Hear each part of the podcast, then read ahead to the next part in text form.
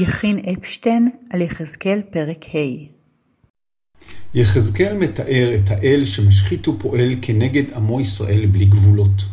אחד הפסוקים הקשים אומר, וכלה אפי והניחותי חמתי בם, והנחמתי, וידעו כי אני השם דיברתי בקנאתי בכלותי חמתי בם.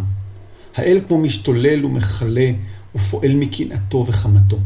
המדרש מצליח למצוא גם בתוך המציאות הקשה הזאתי רגע של הקלה, ואולי יותר נכון רגע של הזדהות. בדיון על ברכה לאחר רעידות אדמה, מביאה הסוגיה אפשרויות שונות למקורה של תופעת טבע זו.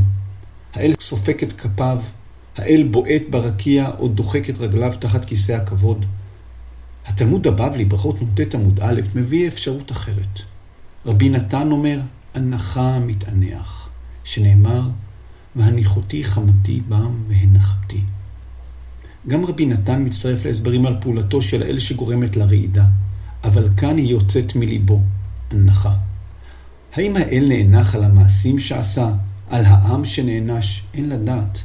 רבי נתן אינו מסביר או מנמק, אבל בתוך הקושי הגדול, העונש הכביר, יש גם הנחה אחת של האל שיוצרת רעידת אדמה. רעידת אדמה היא אחת מתופעות הטבע הקשות. היא מגיעה משקשקת ומיד נעשה שקט, שאחריו רק בכי וכאב. המדרש משלב בין פעולתו הקשה של האל בענישת עם ישראל ובין משהו שעולה מעמקי הלב, הנחה. יש כאן דבר והיפוכו. העונש הגדול והכואב מגיע ביחד עם הנחה, שגם היא מביאה הרס וחורבן.